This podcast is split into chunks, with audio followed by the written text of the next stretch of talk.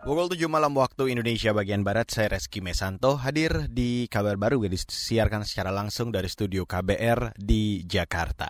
Saudara Presiden Joko Widodo menyatakan menghormati proses hukum yang dilakukan Komisi Pemberantasan Korupsi atau KPK terhadap pejabat negara. Jokowi yakin KPK bekerja secara transparan, terbuka, dan profesional. Pernyataan itu disampaikan Jokowi melalui media sosial setelah KPK menangkap Menteri Kelautan dan Perikanan Edi Prabowo dini hari tadi. Sementara itu Menteri Koordinator Politik Hukum dan Keamanan Mahfud MD menyatakan Pemerintah langkah KPK yang melakukan operasi tangan tangkap tangan maksud kami atau OTT terhadap Menteri KKP Edi Prabowo. Mahfud MD mengatakan pemerintah mendorong KPK memberantas korupsi tanpa pandang bulu. Eh, pemerintah menyatakan bahwa pemerintah mendukung apa yang dilakukan oleh KPK eh, dan silahkan itu lanjutkan sesuai dengan hukum yang berlaku. Eh, pemerintah, terutama presiden sudah berkali-kali mengatakan tegakkan hukum secara benar, jangan pandang bulu kepada siapa pun. Menko Polhukam Mahfud MD mengatakan ia belum mengetahui persis masalah pidana yang menjerat Menteri Edi. Karena itu pemerintah akan menunggu perkembangan lebih lanjut dari KPK. Sebelumnya KPK menangkap Menteri Kelautan dan Perikanan Edi Prabowo di Bandara Soekarno-Hatta dini hari tadi. Edi ditangkap bersama belasan orang lainnya.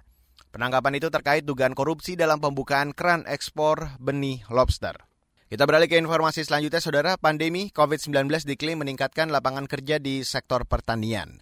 Meski begitu, ekonom Universitas Indonesia Nina Sapti Triaswati mengatakan, kenaikan lapangan kerja di sektor pertanian bukan hal yang menggembirakan. Ini karena sektor pertanian memang penyangga krisis ekonomi. Nina Sapti berharap pemerintah lebih mampu meningkatkan lapangan kerja di sektor industri pengolahan.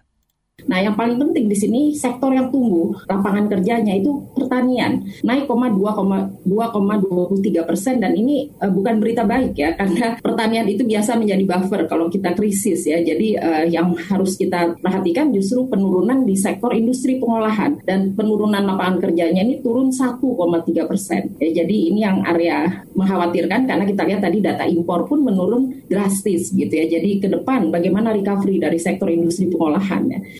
Ekonom dari Universitas Indonesia Nina Sabti Triaswati menambahkan, pandemi COVID-19 juga berdampak meningkatkan lapangan kerja di sektor informal.